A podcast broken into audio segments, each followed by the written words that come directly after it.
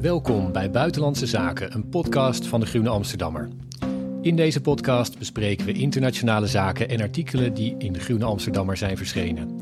Buitenlandse Zaken verschijnt elke drie weken op groene.nl en op alle bekende podcastkanalen. Ik ben Rutger van der Roeven, de buitenlandredacteur van de Groene Amsterdammer. En ik maak de podcast vandaag met Mathieu Segers, hoogleraar geschiedenis in Maastricht. Mathieu, welkom. Fijn om er te zijn, Rutger. Vandaag hebben we als gast journalist Jitske Linksma, auteur van onder meer het boek All Rise, de grote ambities van het internationaal strafhof en de weerbarstige werkelijkheid. Jitske schrijft straks bij ons aan. Mathieu en ik gaan het eerst hebben over de Geopolitieke Commissie. Oftewel de huidige Europese Commissie, zeg maar de regering van de Europese Unie, die actieve machtspolitiek wil voeren in zaken die voor Europese landen belangrijk zijn.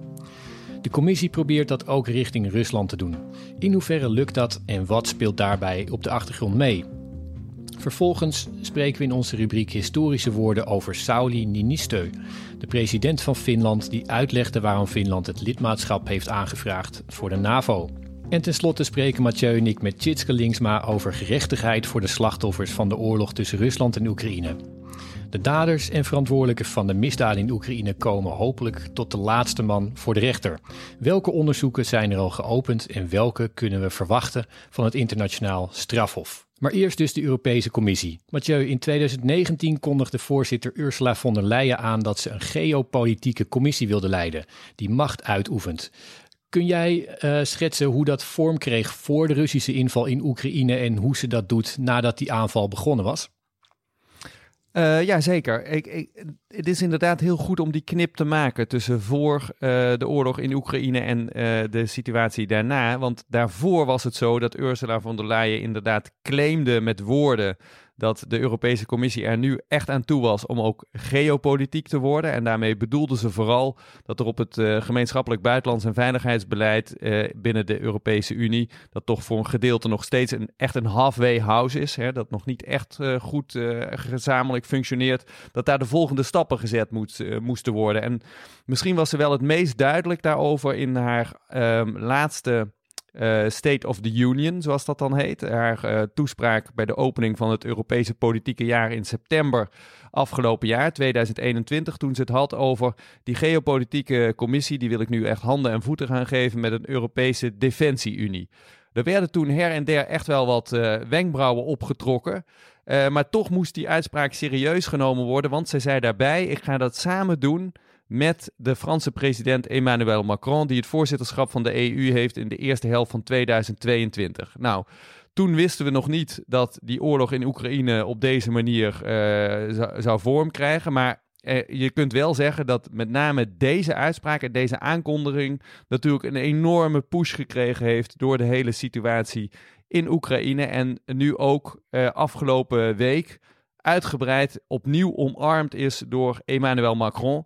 Uh, die uh, bij zijn uh, toespraak op Europadag 9 mei heel duidelijk heeft gezegd dat hij inderdaad, hè, met name van die um, geopolitieke kant van de Europese Unie in zijn nieuwe termijn als president van Frankrijk, samen met de Europese Commissie, dat hij deed die toespraak ook samen met Ursula von der Leyen, echt werk wil gaan maken. Dus um, waar het eerst woorden waren voor uh, de oorlog in Oekraïne, waarvan nog afgewacht moest worden of er inderdaad daden op zouden kunnen volgen, gezien het politieke krachtenveld, kun je nu wel zeggen dat die woorden nu al ingevuld worden met best wel potentieel vergaande daden, inclusief uh, mogelijke verdragswijziging uh, binnen de EU.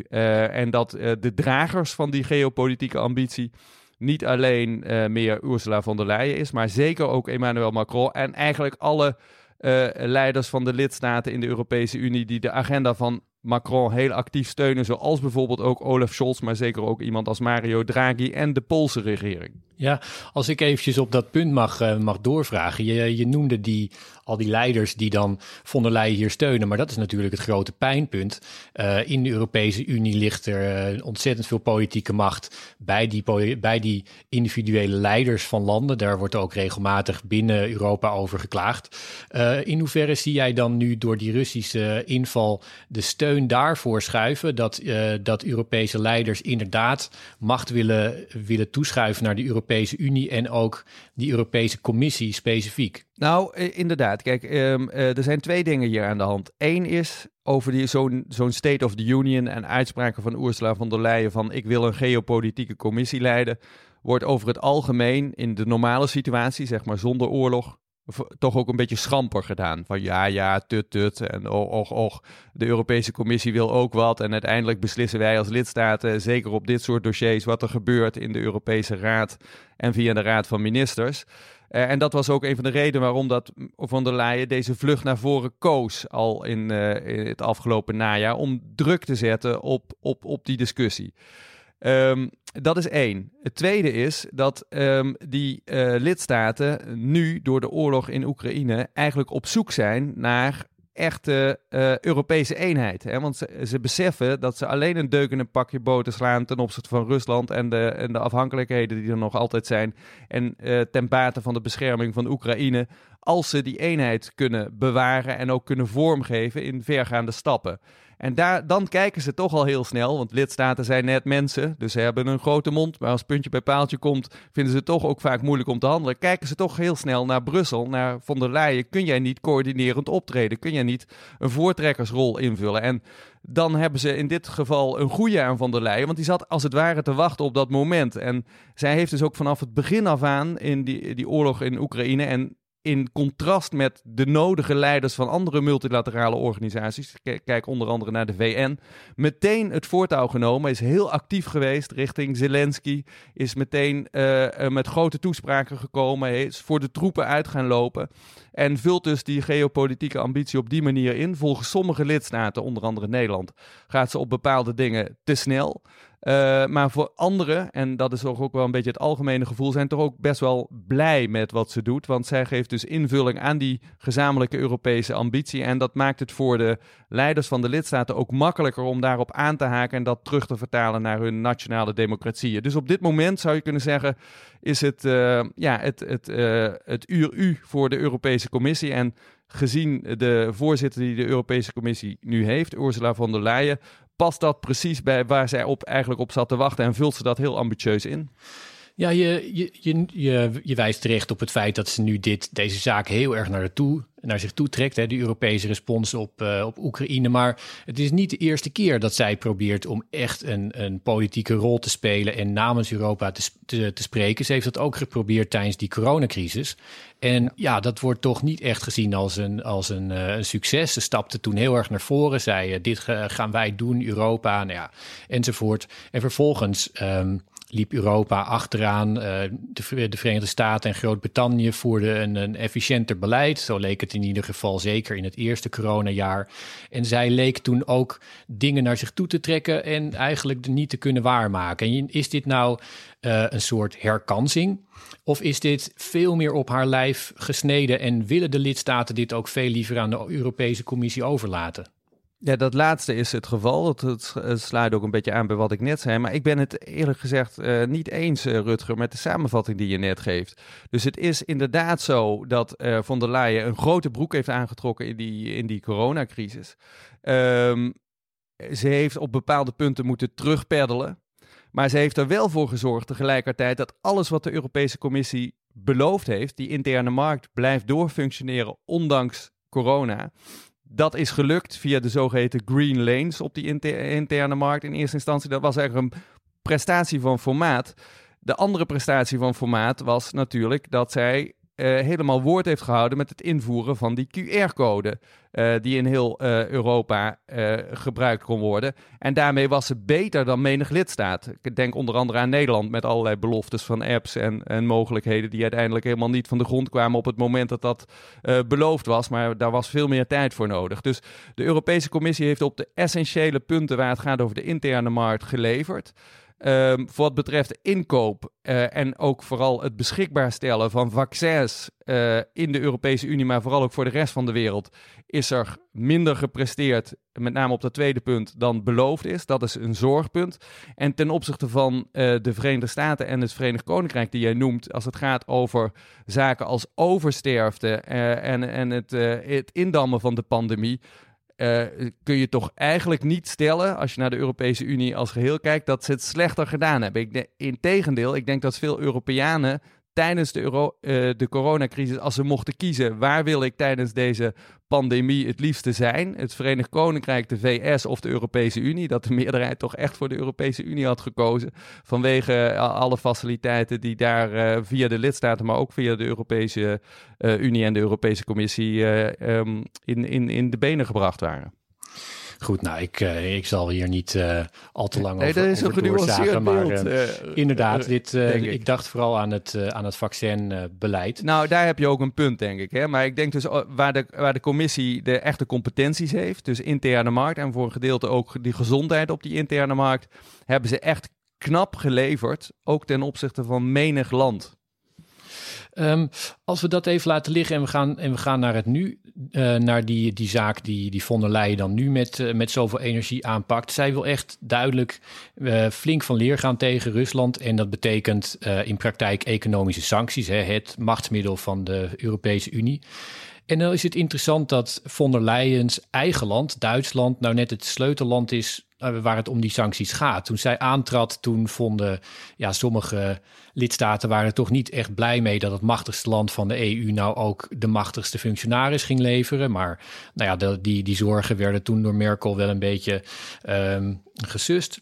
Er was een vrouw, hè? Dat was een plus ja, ze had verschillende dingen voor zich. Maar goed, dat, hè, het feit dat ze Duitser uh, was, was toch een, een zorg. En nu kent ze natuurlijk dat land heel erg goed. Die, het land wat zelf het meeste pijn gaat krijgen um, als Russisch gas bijvoorbeeld wordt uh, dichtgedraaid. Hoe, hoe gaat ze dan daarin te werk? Dat zij, zij heeft natuurlijk uh, bijzonder korte lijntjes naar die Duitse regering. Hoe, hoe, hoe gaat dat? En hoe houdt ze haar Europese profiel dan? Um, hoe beschermt ze dat? Nou, ze is natuurlijk uh, van, de, van de CDU. Die zit op dit moment niet in de regering. Dat maakt die, de splitsing tussen Duitse regering en Europese Commissie iets helderder dan dat dat was in de periode Merkel. Ik denk dat dat in dit geval heel gezond is. En zij, uh, om Merkel nog maar even erin te houden, zij, uh, Ursula von der Leyen, die is nu echt van wir schaffen das 2.0, zal ik maar zeggen. Want dit is natuurlijk een waanzinnig grote uitdaging voor Duitsland, voor heel Europa, maar voor Duitsland in het bijzonder. Je gaf dat al aan. En zij zit echt op de lijn, dit moet. En daar heeft ze ook wel partners. Uh, dit moet en dit moet zo snel mogelijk. Onafhankelijkheid van, uh, van Russische grondstoffen. En daarmee heeft ze ook wel echt uh, partners in de, Europe in de Duitse regering van dit moment. Met name bij Annalena Baerbock, die een soortzelfde koers voert met op de achtergrond Habeck. Ook dan heb ik het over twee leidende politici van de Groenen, die belangrijke ministersposten bezetten in de regering Scholz op dit moment. Um, daar heeft ze echt partners aan. En zet ze dus ook druk op de SPD van uh, bondskanselier Scholz, die uh, wat wijfelender is over al die dingen en, en wat, meer, wat meer draalt, zeker als, uh, als het gaat over die boycott. Dus ik denk dat ze op dit moment echt. Zij staat voor Wir schaffen das. Ze heeft daarvoor partners in de regering uit onverdachte hoek, zou je kunnen zeggen, van, de, van die Groenen. Um, en daarmee zorgt ze wel dat die Duitse regering toch veel en veel sneller en massiever beweegt als het gaat over die, uh, die stappen in de sanctiepakketten, in het afbouwen van afhankelijkheden, dan menig een verwacht had. Ik denk dat dat belangrijk is om uh, te onderstrepen. Dat laat onverlet dat de Duitse regering wel enorm worstelt. Uh, en daar waar het kan, uh, toch ook uh, anticipeert op wat vertragingen in die sanctiepakketten. bijvoorbeeld als het gaat over, over de, de snelheid van de afbouw van de afhankelijkheid van grondstoffen zoals olie en gas. Ja, niets anders is dat die die geopolitieke commissie, die zou je kunnen zeggen, is een, is een soort afscheid, als het in ieder geval uh, van de grond komt, zoals von der Leyen dat wil. Dat is een afscheid van de praktijk dat Europese commissies eigenlijk uh, tijdens de hele geschiedenis van de EU vooral te technocratisch waren, ook vaak ja. vrij kleurloos en gericht op economische integratie.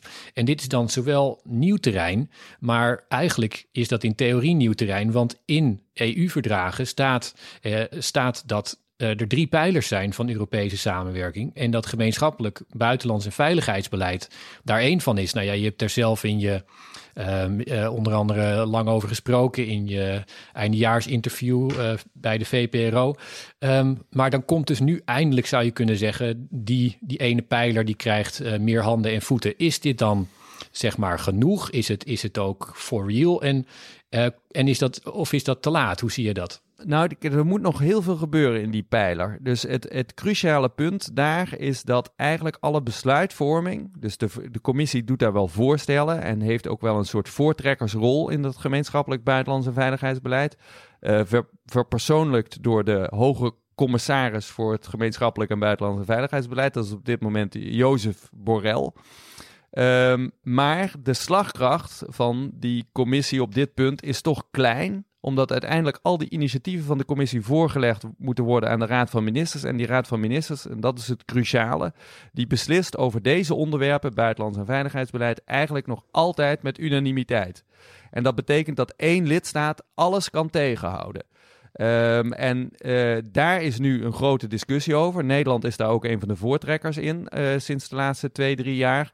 Moeten we niet over dat uh, gemeenschappelijk buitenlands en veiligheidsbeleid, maar bijvoorbeeld ook mensenrechten, gaan nadenken over het invoeren van meerderheidsbesluitvorming? Zodat als je met een, met een grote groep van lidstaten vindt dat het nodig is om stappen te zetten, dat dat ook kan. En dat je dan niet afhankelijk bent van een land, bijvoorbeeld als Cyprus, als het gaat over de sancties tegen Russische oligarchen, of Hongarije.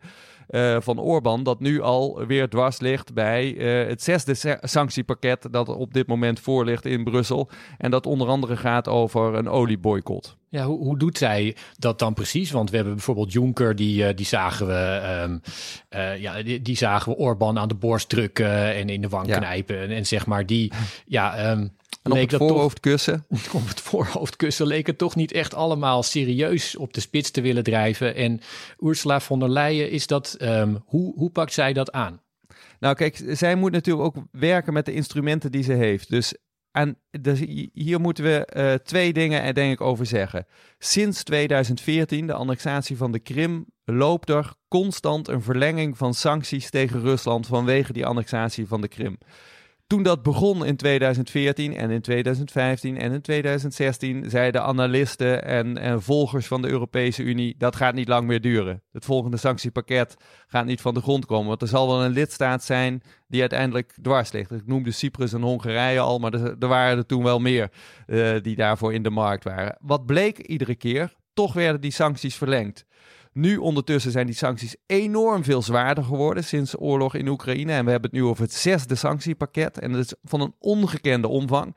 En ook daarover werd in het begin gezegd vanwege die unanimiteitsbesluitvorming. Nou, dat zal wel moeilijk worden. Tot nu toe zijn al die pakketten erdoor. Nu ligt er een dusdanig omvangrijk pakket, inclusief die olieboycott, dat het niet vreemd is dat dit een, een, een zware uh, een bittere, of een, uh, dat is het verkeerde woord, een, een, een grote hoorde is om te nemen uh, in, die, uh, in, in, die Raad van Ministers. Hongarije geeft nu dus aan, wij willen dit niet meemaken, dit zesde sanctiepakket. En wat Ursula von der Leyen nu moet doen, en dat doet ze ook, is oud-Europees schipperen. Dus hoe kunnen we Hongarije eerst in de aanloop naar de echte besluitvorming isoleren? Nou, dat lukt al aardig. Het is duidelijk dat Hongarije de enige lidstaat is die dwars ligt hier. En dat dat ook leidt tot ruzie in de Visegrad-groep, waar Hongarije samenwerkt met Tsjechië, Slowakije en vooral Polen. Polen en Hongarije waren de laatste jaren heel vaak in tandem als het ging om dit soort veto's. En Polen en Hongarije hebben er nu ruzie over. Uh, omdat Polen heel erg uh, pro-Oekraïne is en anti-Rusland in, in de huidige situatie. Dat leidt ertoe dat Viktor Orbán al ge geïsoleerd is. Nu moet er een oplossing gevonden worden. Hoe buiten we die isolatie van Viktor Orbán zo slim mogelijk uit, zonder al te veel escalatie? Er wordt nu gedacht aan het opknippen van het pakket. Het hele pakket, uh, exclusief de olieboycott, eerst erdoor en dan de olieboycott later apart. Er wordt natuurlijk allerlei diplomatie bedreven om de druk op Orbán op te voeren. Maar het feit dat hij nu al geïsoleerd is, geeft aan dat Ursula von der Leyen het uh, politieke en diplomatieke handwerk in de Brusselse krochten tot nu toe uh, goed heeft uitgevoerd. En uh, nu gaat het erom, ja, hoe komen we met zo min mogelijk politieke schade voor de Europese Unie zelf uit deze klem, de zoveelste met Viktor Orbán. Ja, en dan um, als laatste in, uh, in, zeg maar in dit gesprek zou ik nog wel uh, dan één ding je, je willen voorleggen. Want ja, het instrument van, van machtspolitiek voor de Europese Unie is toch wel uh, uitbreiding. Um, zeker. Zeker in het geval nu van Oekraïne. de, de Europese Unie is een, een, een heel sterk economisch blok, maar dat heeft ook een, een, een hele sterke politieke en, en zelfs militaire dimensie.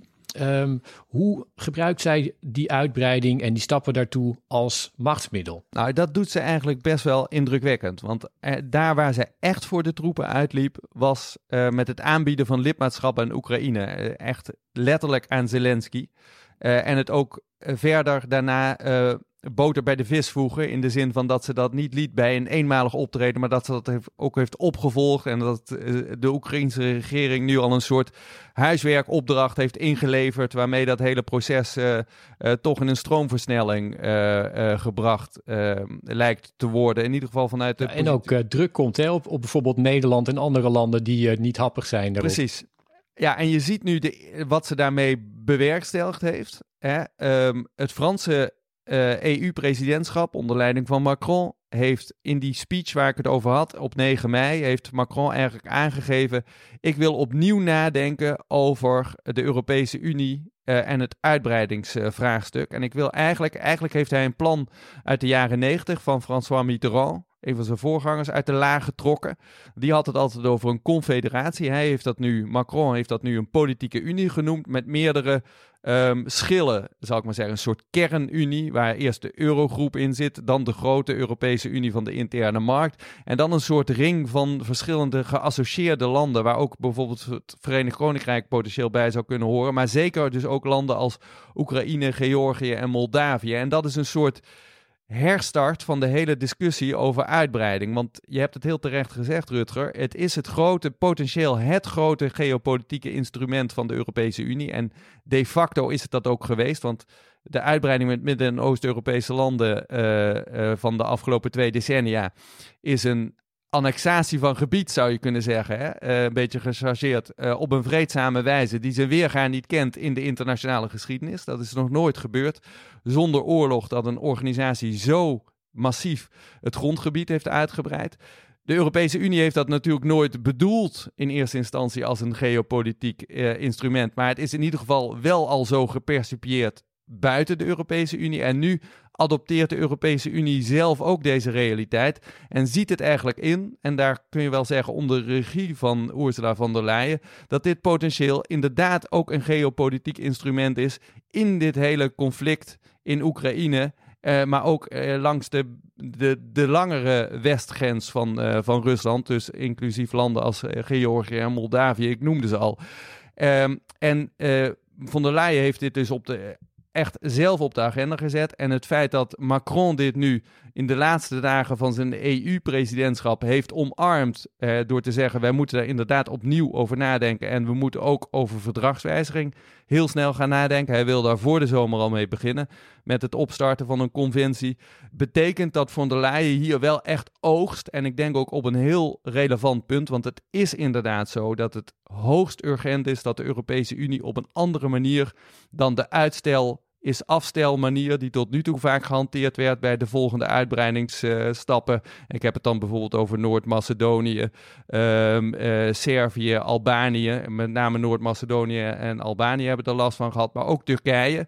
Um, waar eigenlijk uitstel is afstel een beetje de, de manier van doen werd ja, dat moet omgedraaid worden. Er zit nu zoveel urgentie op dat je met die uh, strategie op dit moment geen geloofwaardige politiek voert. En von der Leyen heeft dat als een van de eerste gezien. En dan mogen we haar best.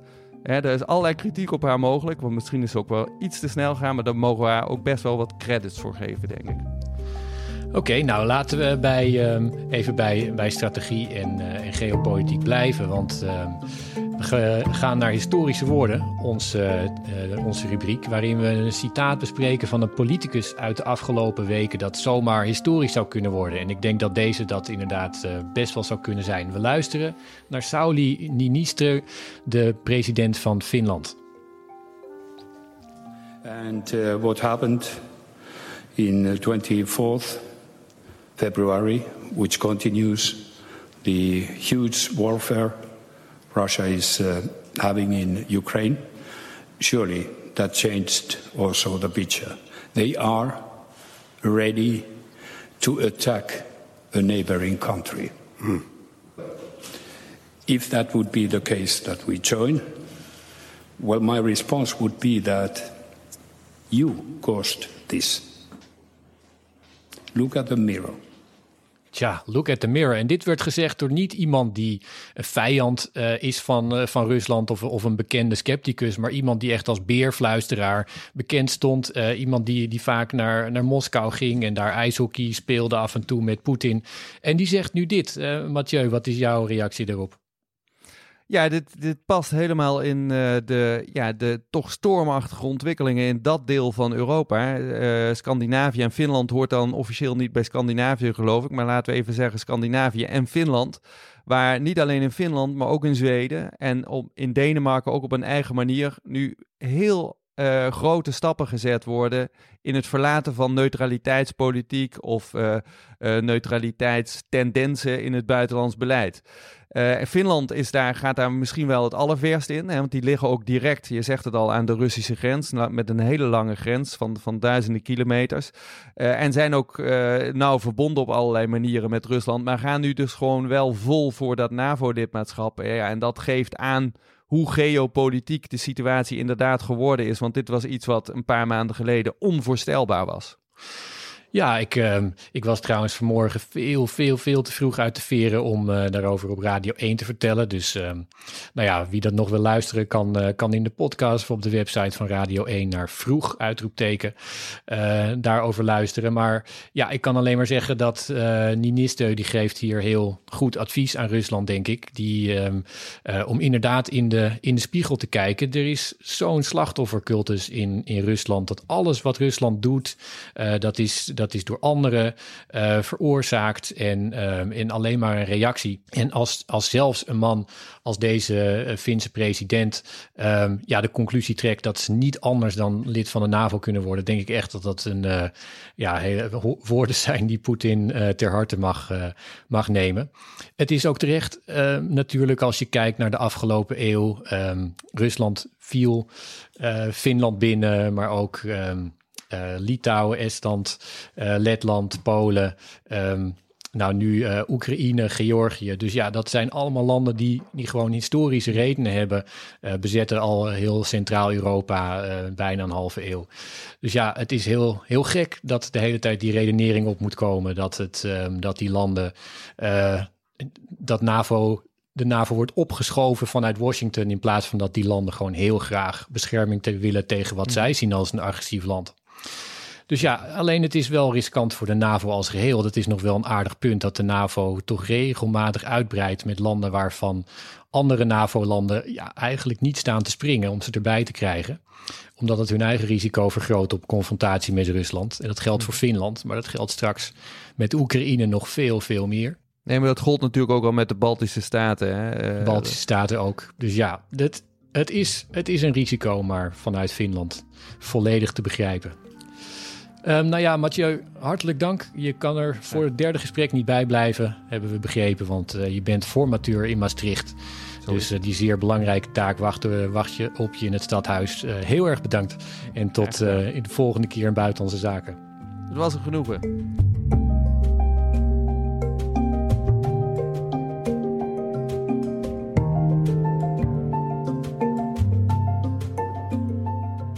En dan nu, gerechtigheid in Oekraïne.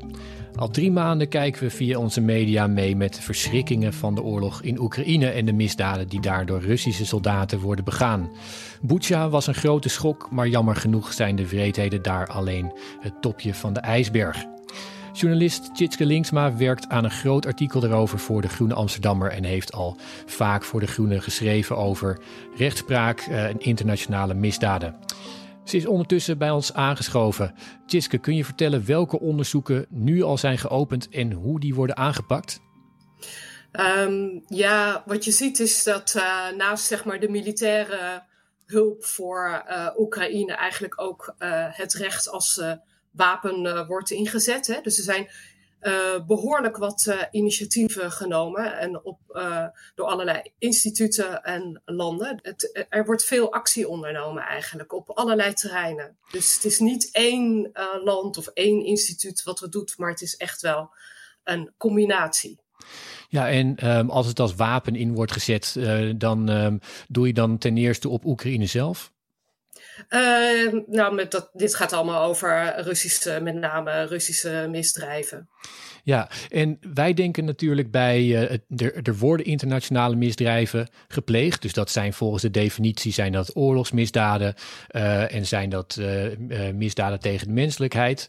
Die kunnen dus internationaal En genocide. Worden, en genocide. Hoort er ook bij. Um, uh, dat zijn dus uh, misdaden die internationaal kunnen worden vervolgd, maar um, die worden in principe alleen internationaal vervolgd als een land er zelf niet toe in staat is. Dat klopt toch? En is het dan Oekraïne nu die het voortouw neemt? Nee, nee, eigenlijk um, zo, nee, nee. Uh, Oekraïne kan zelf oorlogsmisdrijven vervolgen. Dus het is maar net hoe je het in, de, in de wet hebt staan.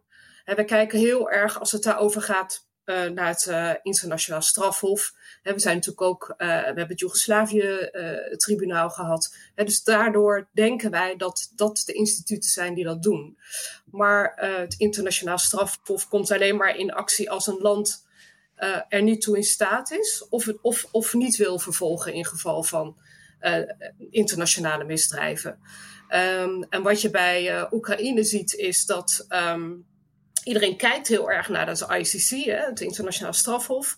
Um, uh, dat heeft ook sinds 2014 uh, kijkt het eigenlijk al naar het geweld wat gepleegd wordt in Oekraïne. Heeft daar nooit echt, is nooit met een echt investigation begonnen, maar bij de inval, uh, de echte invasie, de grote oorlog die nu gaande is, zijn ze daar wel mee gestart. Dus iedereen denkt van, hè hè, eindelijk. Hè? Het is dus uh, eindelijk uh, wordt het uh, strafhof actief.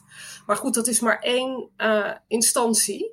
En het strafhof kan ook maar, doet meestal maar een beperkt aantal zaken. Is in principe gericht op de meest verantwoordelijke voor deze misdrijven. maar ehm, inmiddels hebben tien andere landen, Europese landen met name, gezegd dat ze strafrechtelijk onderzoek zullen doen. Um, dat het strafhof zo snel actief kon worden, was ook dankzij, uh, dat heet dan een referral uh, van 43 landen. Dus je ziet dat er heel veel landen zijn die uh, eigenlijk gerechtigheid uh, voor Oekraïne ondersteunen. Ja, en als ik het goed hoor, dan, uh, dan hoor ik er ook in dat jij een van die mensen bent die teleurgesteld over het strafhof zijn. Die het zo laat heeft gereageerd en nu pas met, met aanklachtonderzoeken komt. Ja, ik las gisteren dat, uh, uh, dat Oekraïense groepen en instellingen in de afgelopen jaren 80 communications naar het strafhof hebben gestuurd. dus 80, je zou zeggen, rapporten over, over internationale misdrijven de afgelopen jaren. En, en daar, um, dus het strafhof is in de, alleen maar, heeft alleen maar een voorstudie gedaan, zou je kunnen zeggen, preliminary examinations. Um, en nu met deze grote uh, oorlog die begonnen is, uh, zei de aanklager, is ook een nieuwe aanklager um, met veel ambitie en uh, daadkracht. Um, heeft gezegd van oké, toen de oorlog uitbrak, de grote oorlog, zei hij: Ik wil strafrechtelijk onderzoek doen. Daar moet hij normaal de rechters toestemming voor vragen in deze situatie. Maar hij zei: Het kan ook sneller. Uh, maar dan moeten lidstaten uh, mij daar een, een, een, referral doen, een verwijzing. Nou, dat is gebeurd met die 43 landen. Er zitten ook heel veel Europese landen in, um, in die groep. En het voortouw, uh, ja, de eerste die dat deed was Litouwen. Valt me op hoor, ik weet niet waarom, maar Litouwen is echt een land wat op dit dossier gerechtigheid heel veel initiatief ontplooit. Ja. Tja, en um, die, uh, die verschillende, je, je, had het net over het ICC en dat we denken aan de meest verantwoordelijke die, uh, die, die, die, moeten worden berecht. Iedereen hoopt natuurlijk dat Vladimir Poetin, de Russische president, uh, in de beklaagde bank zal staan.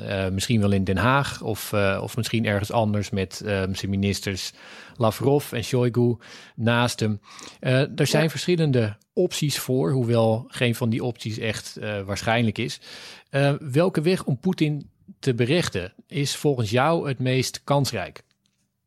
Nou, wat uh, uh, juristen zeggen is, um, uh, kijk, oorlogsmisdrijven, je hebt er zelf ook over geschreven, hè, dat je, je moet echt de, de, de keten van bewijs van wat er op de grond gebeurt in Oekraïne, moet je door, je moet de link kunnen leggen met Poetin. Hè? Dat, is, dat is moeilijk aan dat soort zaken. Daarom vereisen ze ook heel veel onderzoek, duurt dat onderzoek ook heel erg lang. Maar juristen zeggen van ja, um, eigenlijk misdrijf agressie, uh, wat wel uh, door het uh, strafhof vervolgd kan worden, maar alleen niet in deze situatie, omdat nog Oekraïne, nog Rusland lid is van het strafhof. Um, ja, agressie zou eigenlijk een snellere weg zijn.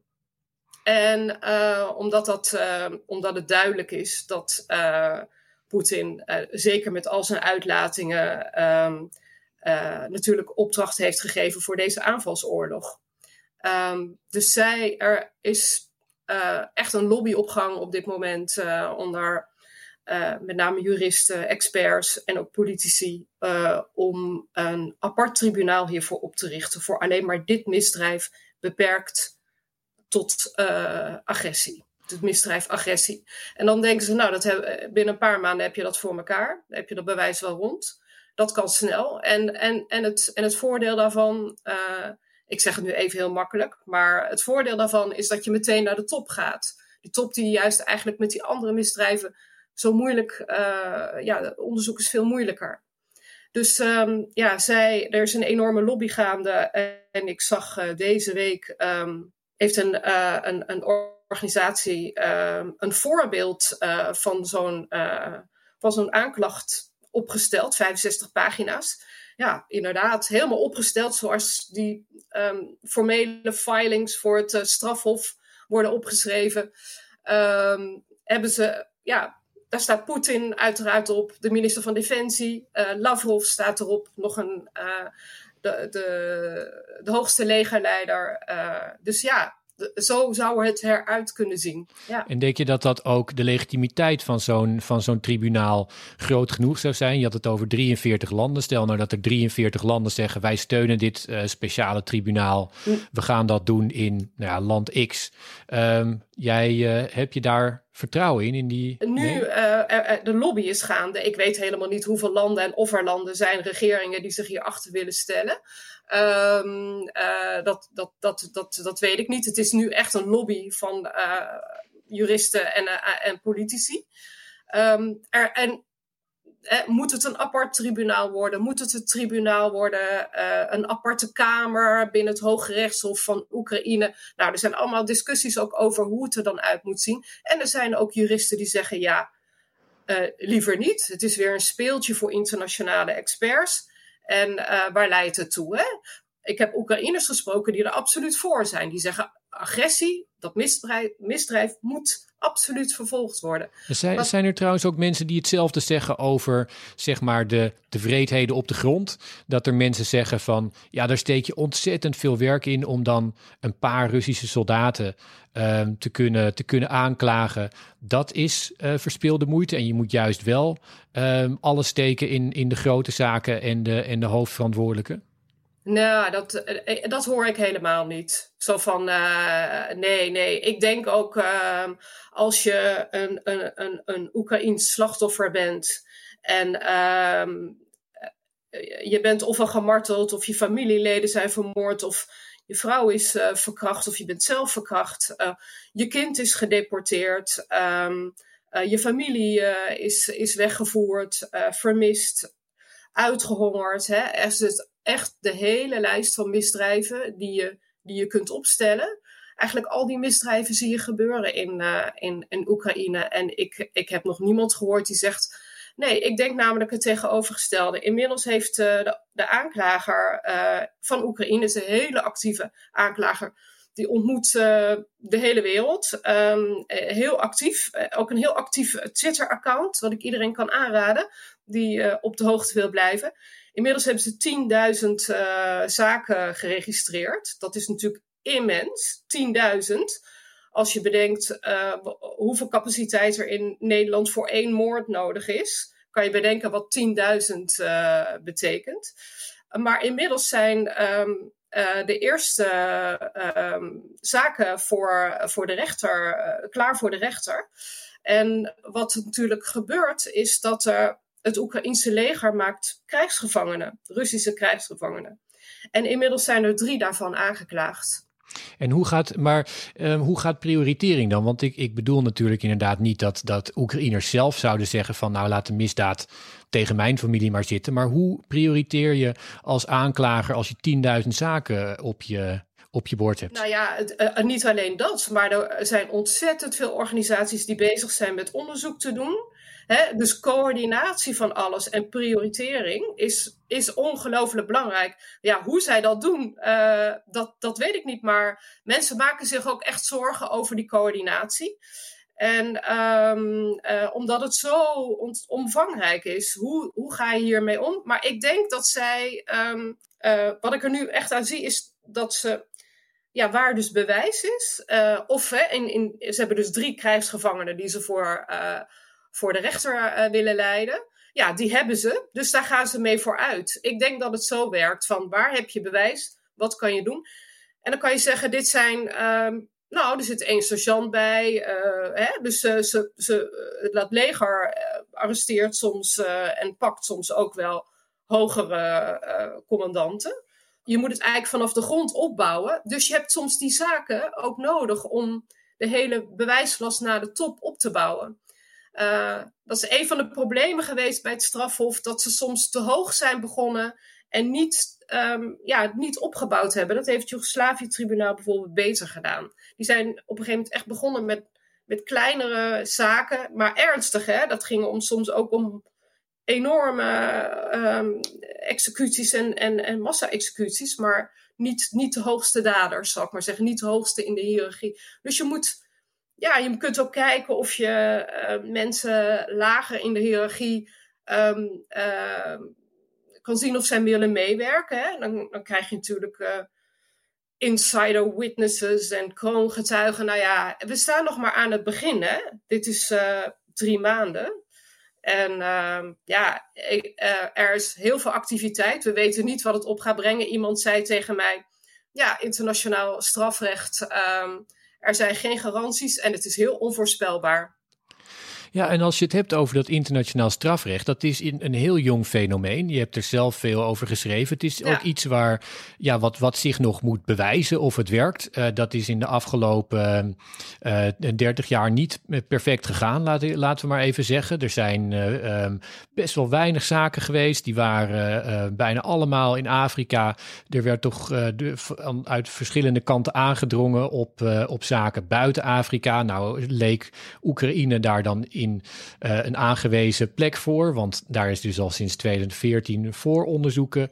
En nu gaat dat, uh, dat, dat strafhof dan, dan bewegen. Maar is dit, is dit ook een moment dat wordt, dat wordt gezien onder juristen als een, als een cruciaal moment waarop internationaal strafrecht, wat dus gaat over individuele daders, dat, in, dat internationaal strafrecht zich bewijzen moet? Ja, als je het over internationaal strafrecht hebt, dan is dat inderdaad uh, 30, eh, sinds 30 jaar echt in ontwikkeling. Hè, met het Joegoslavië-tribunaal, Rwanda-tribunaal, uh, een, een, een, speciaal hof voor Cambodja, Kosovo nu. Um, hè, dus de, Sierra Leone, het Oost-Timor. Dus deze zijn veel ad hoc tribunalen opgericht. maar die zijn voor een specifiek land, voor een spe specifieke periode.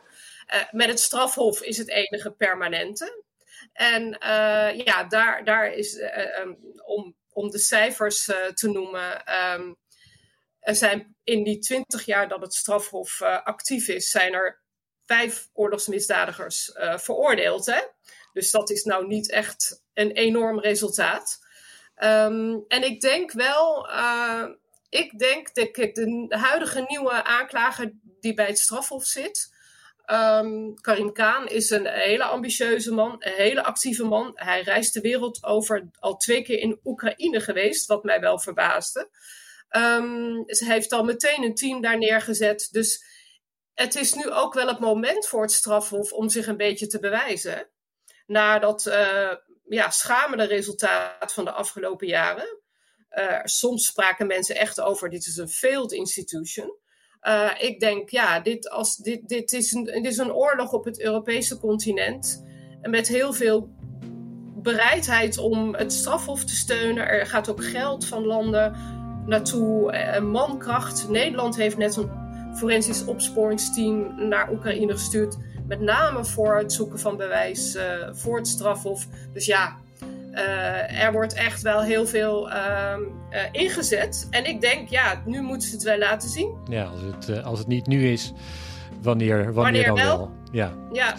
Nou, heel hartelijk bedankt, uh, Tjitske. En ik hoop met jou heel erg dat, dat al die 10.000 daders ook voor de rechter komen en hun, hun verdiende straf krijgen. Dankjewel. Graag gedaan. U luisterde naar Buitenlandse Zaken, een podcast van de Groene Amsterdammer. U hoorde Rutger van der Hoeven vanuit Utrecht, Tjitske Linksma vanuit Amsterdam en Mathieu Segers vanuit Maastricht. Deze podcast werd gemaakt door Giselle Mijnlief. Dank voor het luisteren en als u meer van ons wil lezen of abonnee worden van de Groene Amsterdammer, ga dan naar www.groene.nl.